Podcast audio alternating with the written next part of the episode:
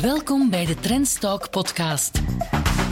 Ontdek of herontdek in deze podcast de vrouwen en mannen die werken aan onze toekomst en hier hun visie en uitdagingen met ons delen. Goeiedag beste kijker en welkom opnieuw bij Trendstalk. Mijn volgende gast is de CEO van wat het langst bestaande bedrijf is dat we hier inmiddels over de vloer kregen. Het werd 120 jaar geleden opgericht in Leuven in de schoot van de Boerenbond en het heette toen de Algemene Aan- en Verkoopsvernootschap. Afgekort was dat A.V.V. En zo raakte het ook bekend in de volksmond als de AVVN als merk. Drie jaar geleden veranderde de naam, behalve dan voor de winkels, naar Arvesta en veranderde ook het bedrijf. Met meer dan een miljard euro omzet aanwezig in de hele keten van de landbouw in Vlaanderen en daarbuiten, zullen we leren uit dit gesprek met 2100 werknemers, waaronder dus CEO Erik Lauwers. Goedendag, welkom meneer Lauwers. Het is een, uh, een dubbele verjaardag eigenlijk, want er is exact 120 jaar die AVV Arvesta, maar ook uh, in mei 2016, vijf jaar geleden, begon u als CEO. Nu, u stapte in een oud bedrijf, maar ook een bedrijf waarvan de netto-winst staalde, waarvan de omzet stagneerde. Kan u nu, vijf jaar later, een grote taart bakken? Hoe staat het ermee? Goh, een grote taart bakken, daar zouden wij goed moeten in zijn. Want we zijn natuurlijk ja. marktleider in thuisbakken met onze AVV-winkels. Dus uh, taarten bakken, dat, dat, dat, kunnen, dat kunnen we al met, uh, met bakplezier. Um, als we vijf jaar terugkijken en, in een sneltreinvaart uh, naar de resultaten kijken, dan denk ik wel dat we onze medewerkers en onze klanten moeten feliciteren dat we een mooie taart uh, kunnen bakken. Het betekent dat we eigenlijk uh, het bedrijf terug in groei hebben gekregen, organische groei, voor het vierde jaar op een rij. Dat was absoluut noodzakelijk. dat was niet meer in de jaren daarvoor. we hebben de people-tevredenheid of onze mensentevredenheid kunnen laten stijgen terug. Dus de mensen zijn helemaal mee in onze nieuwe, onze nieuwe wereld, eigenlijk in ons nieuw verhaal. En de resultaten uh, financieel zijn ook beter. Wat absoluut nodig was. Waarom was dat nodig? Om te kunnen investeren in de landbouw van de toekomst. Ja, want die resultaten dus, er waren overnames. Ik spreek nu over de periode 2012 en nadien, maar dat bedrijf dat bleef wat trappelen ter plaatse. Hoe zit dat nu met die, de omzet, de EBITDA? Ja, de omzet, uh, we zijn 10% in omzet gegroeid over de afgelopen vier jaar, van 1,3 miljard ongeveer naar 1, richting 5 miljard.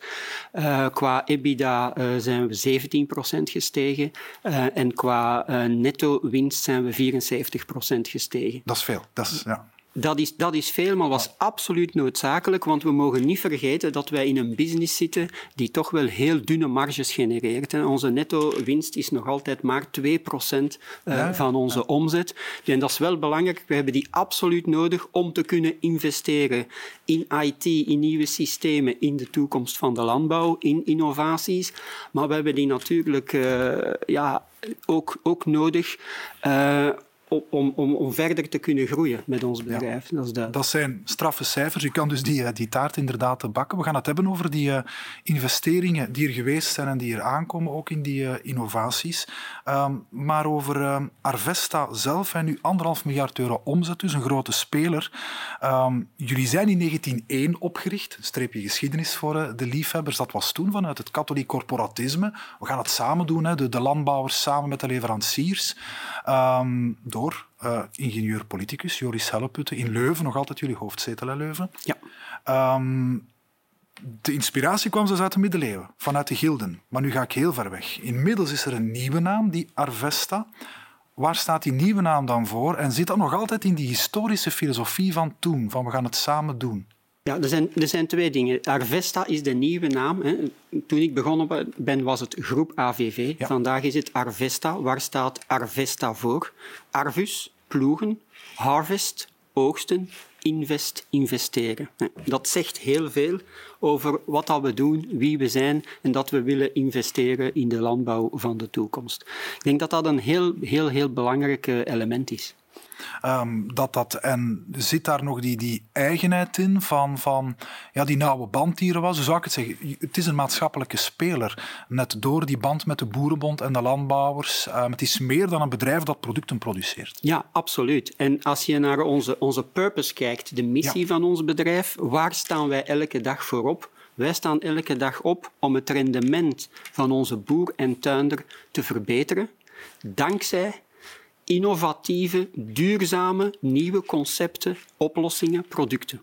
Ja. Dat is waar dat wij eigenlijk elke dag uh, voorop staan en, en, en voor werken. Dus we hebben heel sterk dat, ja, die maatschappelijke relevantie. We zijn een essentiële sector en dat is met COVID nog maar eens, nog maar eens gebleken.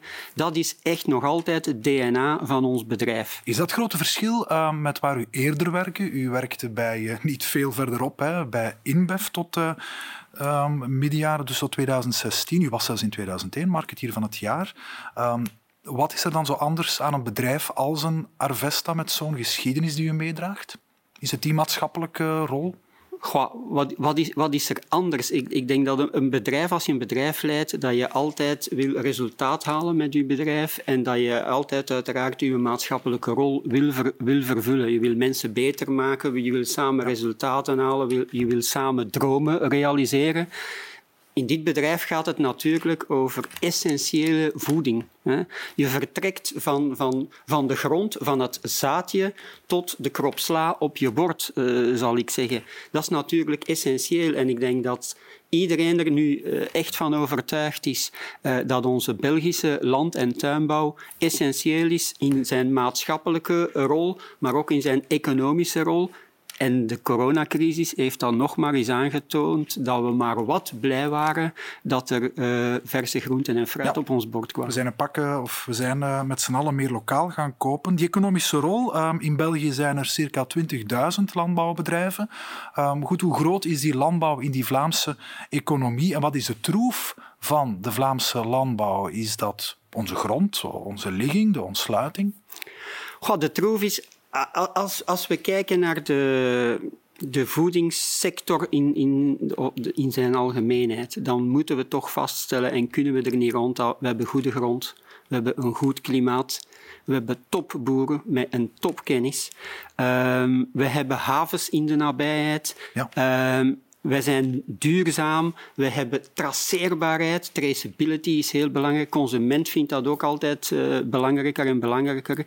Dus wij zijn bij de top in de wereld. En ik denk dat we dat toch ook een keer mogen uh, stellen en daar terecht fier mogen over zijn. Ja, want we leven in tijden waar het uh, ook in de wedstrijd vaak gaat over landbouw, of waar landbouw althans op een negatieve manier in het nieuws komt als het gaat over stikstof en dergelijke meer bijvoorbeeld. Hè. Dat is nu uh, hoog op de agenda, um, maar daar gaan we het straks nog, nog over hebben, hè. Over, over die moeilijke dialoog die rijk is tussen natuur en um, landbouw. Ik wou nog weten over uw bedrijf. Um, er is die link met de Boerenbond via de Maatschappij voor Roerend Bezit van de Boerenbond heet dat. Dat is ook een historische constructie. Maar goed, van wie is Arvesta? U bent de CEO. Van wie is dat bedrijf? Wij zijn Arvesta. Wij hebben onze eigen raad van bestuur. En onze raad onze raad van bestuur wij hangen eigenlijk onder uh, de MRBB, het, ja. zoals u zelf zegt, als een van de pijlers van de MRBB, waar dat er ook een deel van KBC onder hangt, of een deel van Acerta, of een deel van SBB Consultants bijvoorbeeld. Ja, dat zijn die historische wortels hè, van, uh, van, van die bedrijven dan, hè, die bekende namen zoals Acerta ook en KBC. Naar wie gaan de dividenden dan? De dividenden worden geupstreamd naar MRBB. Ja. Um, dit blijft daarmee nog met die MRBB helemaal in onze eigen Vlaamse handen. Um, maar in deze wereld van opschaling, ook in landbouw, zou je kunnen denken, stap naar de beurs, wat uw Nederlandse evenknie met ProFarmers heeft gedaan. Ja, For Farmers is inderdaad uh, naar de beurs gestapt. Uh, dat klopt. Um, ik moet zeggen dat uh, toen ik van, van job veranderde, dat een van de belangrijke elementen was dat wij één aandeelhouder hebben. Uh, en dat ik CEO wilde zijn van een bedrijf met één aandeelhouder, omdat er dan duidelijke eenheid van beslissing en van leiding is. Ja, die kwam van InBev, hè? dat was wel wat anders dan... Uh... Ja, het is anders, maar uh, ik, ik, ik, vond dat toch een heel belangrijk element. En ik denk dat we trots moeten zijn en fier dat wij als Belgische speler ons mannetje staan niet alleen in België, maar ook stelselmatig uh, buiten de landsgrenzen. En dat dat absoluut ook noodzakelijk zal zijn. Want enkel en alleen op het Belgische speelveld spelen zal ontoereikend zijn om naar de toekomst een garantie te kunnen bieden naar onze boeren en tuin. Ja, want in coronatijden deed u nog uh, drie overnames. Uh, het Nederlandse Palital, Van der Hoeven, het Franse Vaasken, veevoeders. Is dat uh, ja, stevig op overnamepad? Is dat nodig om te blijven bestaan of te consolideren? Is dat nodig, uh, dat opschalen? We hebben natuurlijk groeiambities. En uh, de groeiambities kan je opdelen in, in twee stukken. Enerzijds organisch. We willen organisch blijven groeien. Dat hebben we altijd gezegd en dat was ook ons traject, ons transformatietraject, waar we gestart zijn in 2016. Daarnaast, uiteraard, hebben we ook middelen vrijgemaakt om anorganisch verder te blijven groeien en synergieën te blijven zoeken om de kracht van Arvesta te kunnen versterken, om een nog betere service te kunnen bieden naar onze boeren en tuinders en om mee te kunnen in een ja, competitieve wereld met dunne marges. Ja, dan um, zijn er ongetwijfeld nog opportuniteiten die je op het eh, overnamepad kan tegenkomen, maar daarover kan u waarschijnlijk nog niks zeggen natuurlijk. Daarover kunnen we niks zeggen en we weten altijd, you need two to tango. Over die, uh, die cijfers, u noemde ze uh, daarnet, die uh, winst die steeg met 74% op vier jaar tijd dan, begrijp ik. Um, wat was daar aan de hand dan toen u toekwam? U zei het, ja, er was geen organische groei meer. Was dat bedrijf wat in slaap gevallen? Oh als je, de analyse, als je de analyse bekijkt, was het heel simpel. Hè. Tussen 2006 en 2012 10% groei elk jaar, opnieuw, elk jaar opnieuw. Tussen 2012 en 2016 overnames gedaan, maar geen synergieën gepakt. En organisch, ja, een beetje gedefocust, denk ik. Hè. Je, je zit dan te, focussen op je overnames, maar ondertussen verlies, verlies je de focus op de bedrijven die er al zijn of op de, de merken die er al zijn. Dus, en daar hebben wij toch paal en perk willen aanstellen. Eh, bij de start in 2016 hebben we gezegd, wij gaan organisch groeien. Dat is de prioriteit nummer één. Overnames is geen fetish. We gaan ze doen, maar we gaan vooral eerst zorgen dat we zelf veel gezonder worden, om dan ook gezond te kunnen overnemen. Want je kan je eigen probleem, als je organisch niet meer groeit, je kan je probleem niet wegkopen. Ja. Um, de retail dan, dat is het meest bekend bij consumenten, B2C, de AVV. AVV blijven ook de AVV-winkels met de nieuwe winkelconcepten nu, zijn er 250. Um, we komen, we zitten nog in coronatijden. Um, welke impact heeft dat gehad op die winkels? Want zij waren eigenlijk corona-winnaar, mochten open blijven en we gingen ook anders consumeren. Ja, voor de winkels, ja, uiteraard, corona, dat, dat vroeg aanpassingen voor iedereen. Hè. Karretjes ontsmetten, zorgen dat er uh, screens stonden aan de kassa's en zo verder. Dus, dus dat heeft wel uh, heel wat impact gehad op onze mensen. Maar ze hebben dat, onze food heroes hebben dat schitterend gedaan en ik moet ze daar echt voor bedanken. Uh, langs de andere kant, voor ons, met onze winkels, waren we al een traject ingestart met nieuwe concepten. En we hadden een nieuwe concept ontwikkeld. En dat concept is over beleving, dat gaat over inspireren. Tuindier bakplezier is eigenlijk nu naar de achtergrond. Het was weg, hè? dat was ja, jarenlang een bekende slogan. Het gaat over hier groeit plezier, dus we gaan toch breder inzetten. En we gaan de mensen inspireren. We hebben een inspiratie-eiland. Uh, de, ja, de, de, verschillende categories van het category management zijn, zijn aangepast uh, om de winkels een nieuw elan, nieuwe dynamiek te geven en ook om in te spelen op, op de nieuwe trends die, die er zijn. De nieuwe trends die we vastgesteld hebben is één, de mensen willen terug iets met hun handen doen. Contact met de grond. Uh, tegelijkertijd iets thuis bakken. Dat is leuk. Iets terug in uw tuin doen. En, en, en wat hebben we gezien? Die trends waren er, maar corona heeft dat gigantisch versterkt. Ja, ja. Het heeft het versterkt. Dus het, het is geen one-shot. De trends waren er, alleen ze zijn geaccelereerd, zal ik zeggen. Net zoals de digitaal uh, wereld uh, ongelooflijk versneld is, is dat, is dat ook gebeurd. Uh, wij hebben in onze winkels een groei laten optekenen de laatste vier jaar van 32 procent. Uh, dat is uh, super, super goed. en ik herinner mij nog in het begin in 2017, toen ik met een aantal zaakvoerders sprak, met een aantal franchisees, die ook met ons samenwerken, uiteraard, onze businesspartners. toen dat we projecteerden, we willen toch plus 10% groeien, dat daar zelfs de mensen zeiden van, oeh, is dat niet wat ver? Hè? Ben je daar wel zeker van?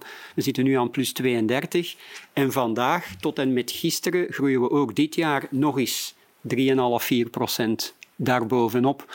Dus we hebben echt wel uh, het juiste concept neergezet. Dus corona heeft eigenlijk wat al aan de gang was bij jullie nog wat ja, geaccelereerd? Het heeft het geaccelereerd. Nu, we moeten al die winkels dus ja, ombouwen. Want dat is aan de gang. En niet elke winkel zit in dat nieuwe winkelconcept van eigenlijk Klopt. funshopping is het bijna, een beleving. Ja. Je doet een uitstapje. Ja. Ehm, dat is geleidelijk en nog steeds aan de gang. Ja, absoluut. We hebben 43 winkels omgebouwd vandaag. Tegen het einde van het jaar willen we 70 winkels omgebouwd hebben. En zo gaan we dus uh, verder. We bouwen dus aan een ritme van 12, om de 12 dagen bouwen we een winkel om een totaal remake over team dat uh, ja, ja exact. Daar zit een, daar zit een full-focused uh, team op om dat, om dat allemaal uh, klaar te stomen. Ja.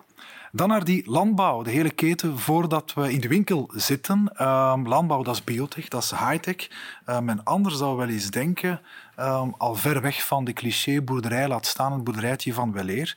Ik wil een uh, videofragment laten bekijken, een van jullie corporate video's, over een mobiel gotensysteem. Het gaat over slaapplanten, maar het wordt iets heel anders, beste kijker dan uh, een areaal grond waarop sla geteeld wordt. We stappen eigenlijk in één grote robot.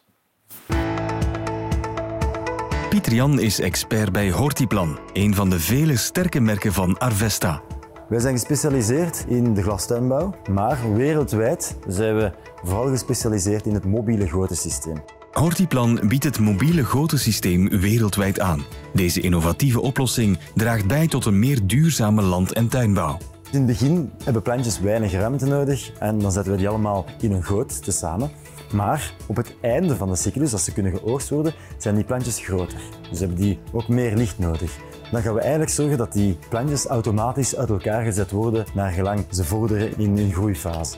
Naast ruimte en licht krijgt elk plantje ook de juiste hoeveelheid water en voeding. De voeding bij ons systeem gebeurt via een nutrient filmtechniek. En hier gaat eigenlijk een klein laagje water van de ene kant naar de andere kant door de goot. Op die manier heeft elk plantje dat in de goot zit de juiste hoeveelheid water en de juiste hoeveelheid voeding om optimaal te kunnen groeien. Het mobiele gotensysteem biedt een duurzame oplossing voor teelten op beperkte oppervlaktes.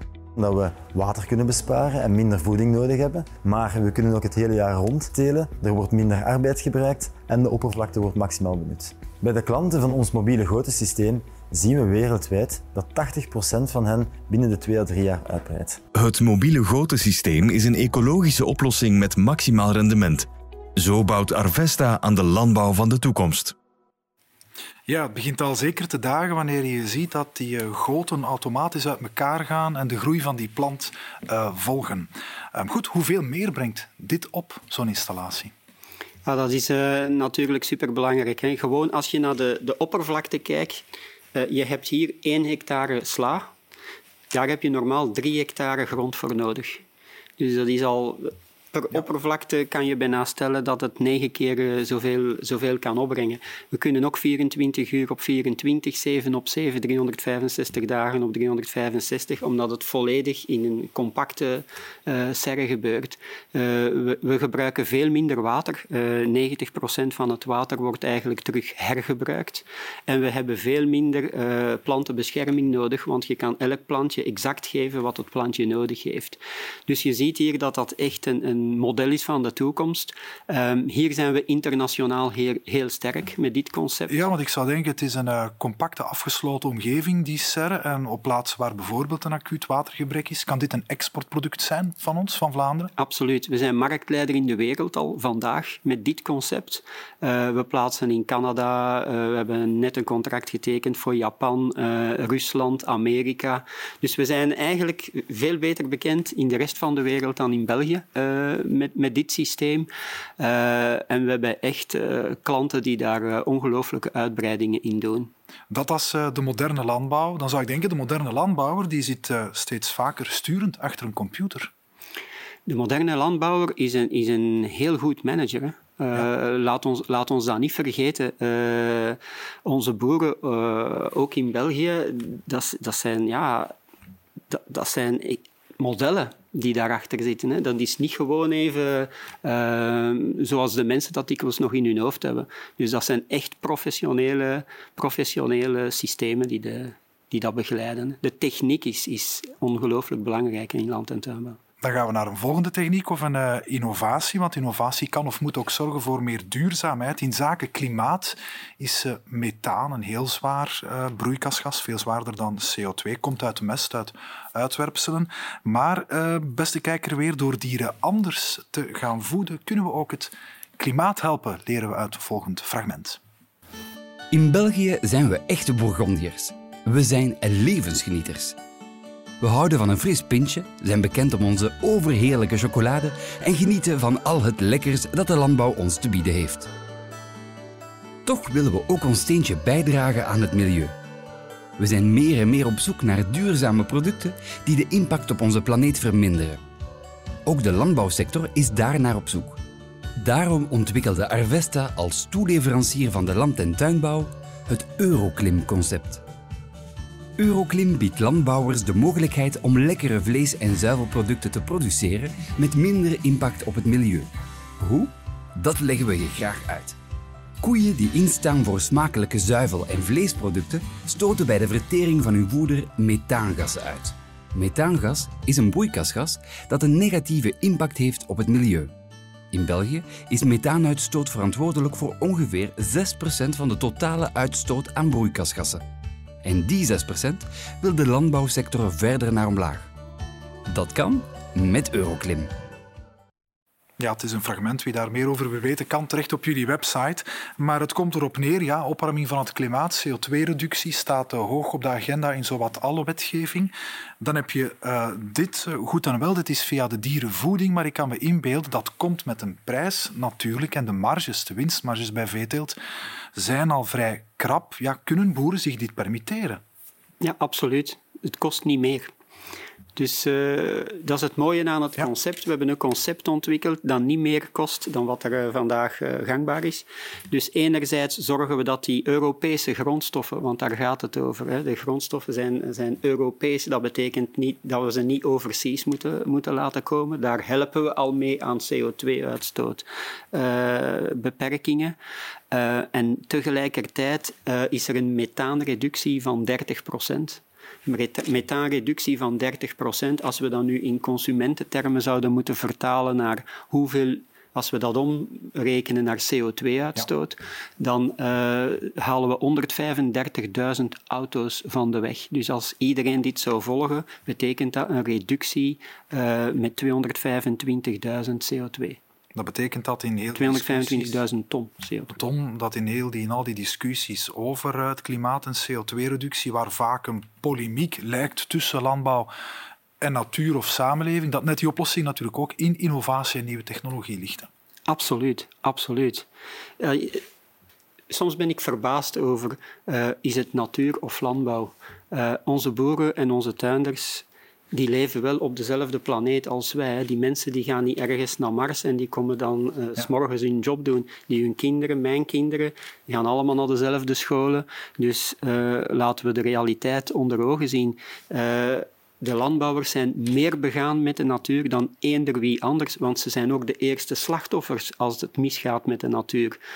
Te veel regen, te weinig regen, te, te, te, te droog, te hard gevroren. Dus all in all uh, vind ik het debat, is het natuur of landbouw, ik vind het totaal verkeerd debat. Ik vind dat we er, we weten dat we met de landbouw echt uh, best, zijn, best in klas zijn in de wereld. Met uh, per liter melk en per kilogram vlees uh, een zeer lage uh, CO2-uitstoot. Dat hebben we vandaag al.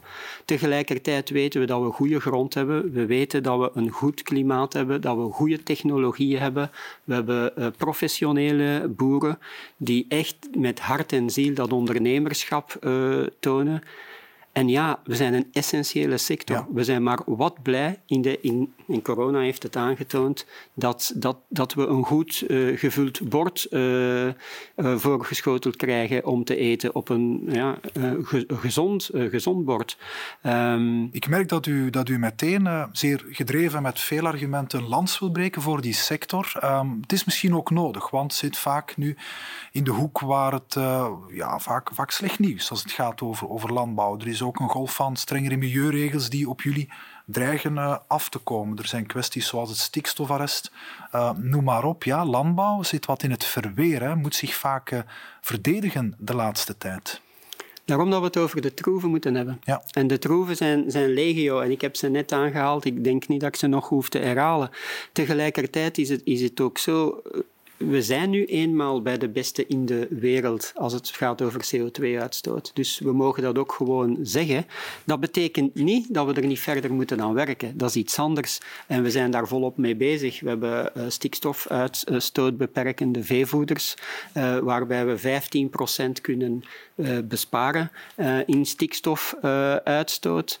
Um, dus daar zijn we wel allemaal aan aan het werken. We hebben net de methaanuitstoot in het filmpje gezien. Dus die, die zaken zijn allemaal wel bezig. En ik denk dat we daar op de juiste, op de juiste pad zitten, op de juiste nagel aan het kloppen zijn.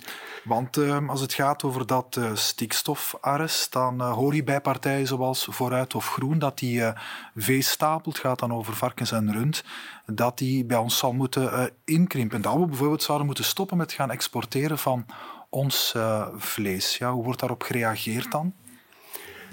Ja, ik denk als je alle pro's die ik ondertussen heb opgenoemd van waar we goed in zijn als land- en tuinbouw uh, naast, daarnaast leggen, dan denk ik dat dat niet in vragen is. Ik denk dat het heel duidelijk is dat wij moeten verder werken om de stikstofuitstoot te beperken. Daar gaan we uh, alles aan doen.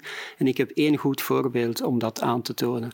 Uh, vroeger in veevoeders was er 100% medicinale voeding, antibiotica, in de veevoeders. Vandaag hebben we dat gereduceerd met 80 procent. Dat betekent, als we beginnen daarop werken, meten, dat we echt wel vooruitgang maken als, als land- en tuinbouw. Een ander voorbeeld in de tuinbouw is uh, de manier waarop dat de serres vroeger verwarmd werden met stookolie. Vandaag is een heel ander concept. Dus de land- en tuinbouw heeft zich telkens opnieuw heruitgevonden. En dat gaan we zeker ook hier uh, blijven doen. Dus zegt u eigenlijk, er is geen tegenstelling tussen het klimaat en onze landbouw hier? Ik denk dat ik ben overtuigd dat ecologie en land- en tuinbouw en economie hand in hand gaan. Daar ben ik echt van overtuigd. Maar waar we wel moeten voor opletten, is dat we met eenzelfde same level playing field komen. Want wat gebeurt er vandaag? Vandaag zijn er in landen zoals Latijns-Amerikaanse landen, wordt er met plantenbeschermingsmiddelen gewerkt die verboden zijn in Europa en in België. Maar die producten worden wel geïmporteerd in België en de consumenten gaan die hier wel consumeren. Ik denk dat we daar ook eens paal en perk moeten, moeten aanstellen. Eigenlijk zegt u, voor het klimaat kan je nergens anders beter produceren dan hier en zoals wij het hier nu doen. Dat is absoluut wat ik zeg. En ik voeg er wel onmiddellijk aan toe, dat pleit ons niet vrij om te zeggen wij moeten niks doen. Wij zijn keihard bezig met stikstofreductie, methaanreductie. Uh, en we hebben tal van, dan, van projecten lopen die al bewezen cijfers hebben. Dus het is niet wishful thinking. We zijn daar volop aan bezig. Maar de vraag is toch, laat ons ons werk doen, laat ons samen een plan opstellen met duidelijke doelstellingen en wij gaan die doelstellingen bereiken, daar ben ik absoluut van overtuigd. Ja, uit een peiling van het uh, VLAM blijkt dat twee op de drie Belgen hun eigen sterke landbouw belangrijk vinden. Maar bij diezelfde burger is het vaak ook not in my backyard. Als er dan bijvoorbeeld een grote stal gebouwd wordt in de nabijheid van zijn woning. En wat een, een dubbele houding van de burger. Ja, we zien dat heel regelmatig. Hè. Uh, we zien dat ook met windmolens bijvoorbeeld. Hè. Iedereen, vindt, wind, iedereen ja. vindt, windmolens en windenergie fantastisch, uh, totdat de windmolen iets te dicht bij een bepaald terrein komt en dan is het niet voor ons, hè, bij wijze van spreken. Dus uiteraard, hè, dus, dus, ik, ik, begrijp het debat uh, en het debat moet zeker gevoerd worden. Maar het is, het is absoluut zo uh, dat we in, met land- en tuinbouw alle troeven in handen hebben om zowel een goede economische toegevoegde waarde te brengen, als de consument zijn kwaliteit op zijn bord te geven. Want ik ga het nog eens herhalen. Het is absoluut zo dat onze voedingstraceerbaarheid, heel onze voedingsketen, is een van de top in de wereld. En dat weet ik niet altijd bij een Argentijnse, Argentijnse steak of uh, geïmporteerde soja?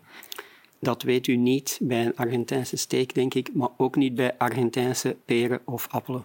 En bij die van ons wel natuurlijk. Bij die van ons weet ik dat zeker. Dus, uh, en daar wil ik toch nog eens een lans voor breken, ja. Een uh, bijkomend uh, um, gevolg van strengere milieuregels en de investeringen en innovatie die die vergen, is dat bedrijven dat moeten kunnen dragen en dat je naar minder bedrijven, maar naar grotere bedrijven gaat. Daar conflicteert het vaak dan opnieuw met de omgeving. Maar kan dat blijven gaan, die steeds grotere uh, landbouwbedrijven? Gaan we naar die megastallen en megabedrijven, niet meer de kleine boerderijtjes?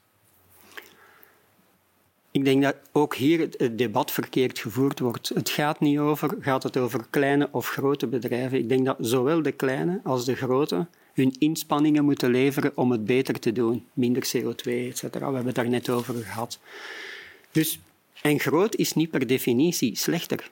Uh, de, grotere, de iets grotere bedrijven hebben ook iets meer slagkracht, iets meer managementcapaciteit. Die gaan ook op die nieuwe moderne agro-management systemen kunnen meeliften om te zorgen dat ze ook qua milieu de juiste injecties, injecties geven natuurlijk. Dus ik denk dat de discussie niet moet zijn, gaat het over groot of klein? Um, bovendien, wat men in België als groot ervaart, is in het buitenland misschien nog wel een heel klein bedrijf. Dus uh, ik zou dat toch een beetje met een korreltje zout ja, ja, inderdaad. Ja. In die zin is dat ook weer uh, relatief. We zitten in de, en het is een toeval, uh, in de week van de korte keten. Dat moet de band tussen de landbouwer en de consument hier, uh, hier aanhalen. Het is de tweede keer dat deze campagne loopt, dacht ik. Tijdens die uh, eerste lockdown, en u verwees er al naar als het ging over de AVV-winkels, steeg de hoevenverkoop met 88 procent. Tweede lockdown voor wij periode was iets minder, maar goed, nog altijd een enorme stijging. We zijn het lokaal gaan zoeken. Is dat meer dan een hype? Is dat een blijver? Ja, dat is zeker meer dan een hype. En dat gaat, dat gaat verder stijgen. Nu, het is nog beperkt in zijn totaliteit. Ja, in de omzet is dat klein, hè? die, die charmante hoeverkoop, fijn, maar... Het is, het is nog beperkt. Nog geen procent of... of ja, dus, dus, we moeten dat nog niet overroepen. Hè. Die 88 procent groei is belangrijk.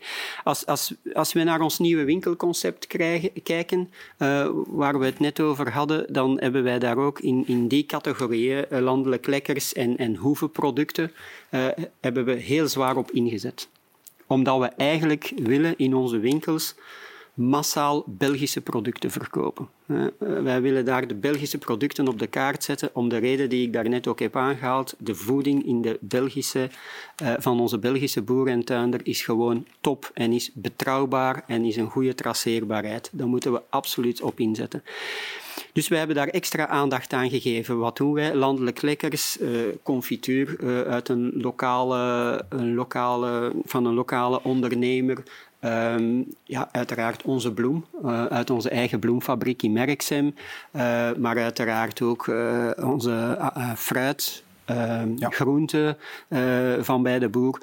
Dus wij hebben de laatste drie jaar van 2018 tot, tot nu toch die, die omzet maal drie gedaan ongeveer. Dus, dus, dus dat begint wel serieuze cijfers aan te nemen. Maar we gaan toch nog een paar jaar moeten 50% per jaar stijgen, een aantal jaar aan een stuk. Ja, ja. Um, die hoevenproducten, de consument is uh, doorgaans ook bereid om daar iets meer voor te betalen. Um, maar moeten we als consument wat anders leren omgaan met uh, voedsel? Is dat ook niet de basisboodschap in zo'n campagne?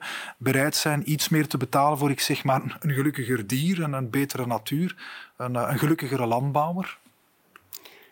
Ja, absoluut. Hè. Ik zou zeggen, natuurlijk moeten we dat doen. En, en ik heb daar wel ook een argument voor. Dat is, als we vroeger 100 uh, eh, uitgaven als gezin en je zag het percentage in voeding dat er uitgegeven werd, en je geeft vandaag 100 uit en je ziet het percentage in voeding dat we maar uitgeven, dan is die verhouding toch wel een beetje zoek. Hè? We geven heel veel geld uit aan technologie, gsm, iPads, uh, whatever.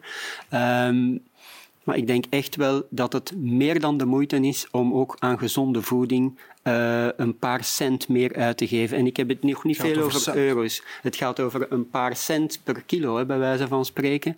Om enerzijds die boer en die tuinder een beter inkomen te kunnen uh, geven.